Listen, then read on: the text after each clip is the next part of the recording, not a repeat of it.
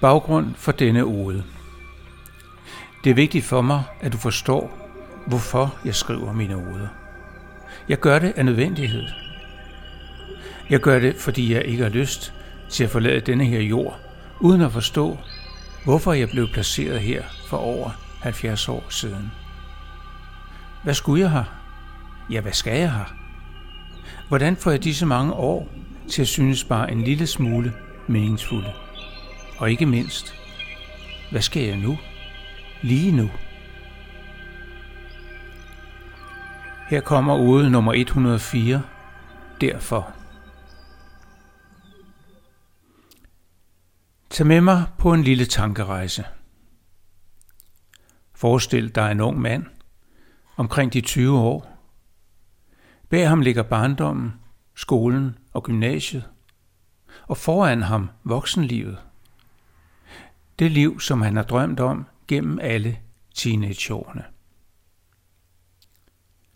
Adrenalinen koger, og drømmene lokker. Kom nu, du kan godt. Du tør. Du skal. Og han kaster sig ud i det, med forhåbninger så urealistiske og store, at de næppe kan gennemføres. Men de er dybfølte og helt nødvendige for at skabe fornemmelsen af et veludnyttet liv. Et liv, som blev grebet med taknemmelighed og med en følelse af forpligtelse til at gøre sit bedste.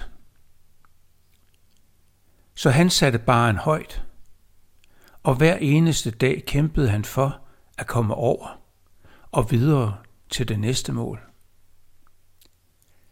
Kampen var så hård og fokus så intenst, at han aldrig nåede til det med familie. I perioder forsøgte han. Det var jo det, man gjorde, det man skulle.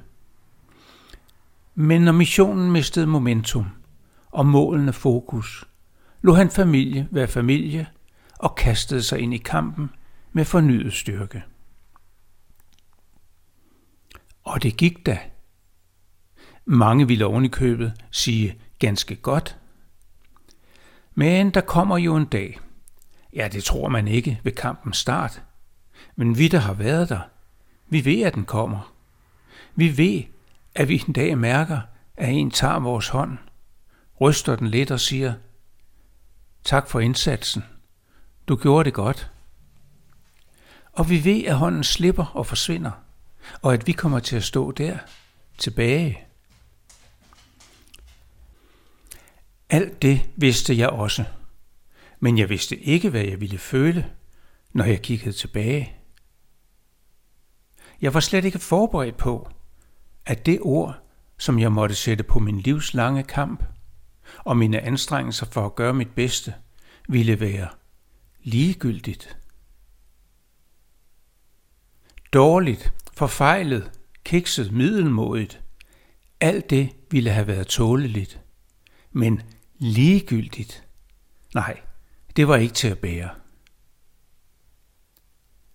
Så endnu en gang, nu blot 45 år senere, står vores ven fra ungdommen og kigger frem. Han valgte at lægge fejltagelserne bag sig og fokusere på fremtiden. Og selvom et slag var slut og delvist tabt, valgte han at fortsætte kampen. Det lå simpelthen i hans DNA. Lå sig ikke undertrykke. Her dør vi med sværet i hånd, tænkte han. Og universet hørte ham og var ham nådigt. Han begyndte at skrive og beskrive. Alle sine tanker, alle fortrydelser og glædestunder. Mysterier, tvivl og erkendelser. Alt blev skrevet ned og manifesteret. Universet åbnede hans sind og viste ham veje, han aldrig havde fundet uden hjælp. Og med denne nye tilgang til livet, og mens spørgsmål, erkendelser og forståelse manifesterede sig under hans hurtige fingre, forsvandt ligegyldigheden og blev erstattet af en vis mening med alting. Og nu sidder han der, aller yderst på bænken. Har det lige godt med at kigge frem og tilbage, og erkender, at målet aldrig nås. For det er ikke meningen, tænker han. Det er tvivlen, det er ikke fyldestgjorte. Usikkerheden, uvidsheden og nysgerrigheden ikke at forglemme, der bringer os videre. Og derfor må jeg skrive, også selvom erkendelserne synes minimale og et gennembrud usandsynligt, for intet andet giver mening. Derfor, derfor må jeg skrive. Og med denne lille tanke og et smil om munden, rejser han sig. Løfter hovedet og kigger fremad. Og mens han begynder at gå, spænder han bæltet og sværet om livet for allersidste gang.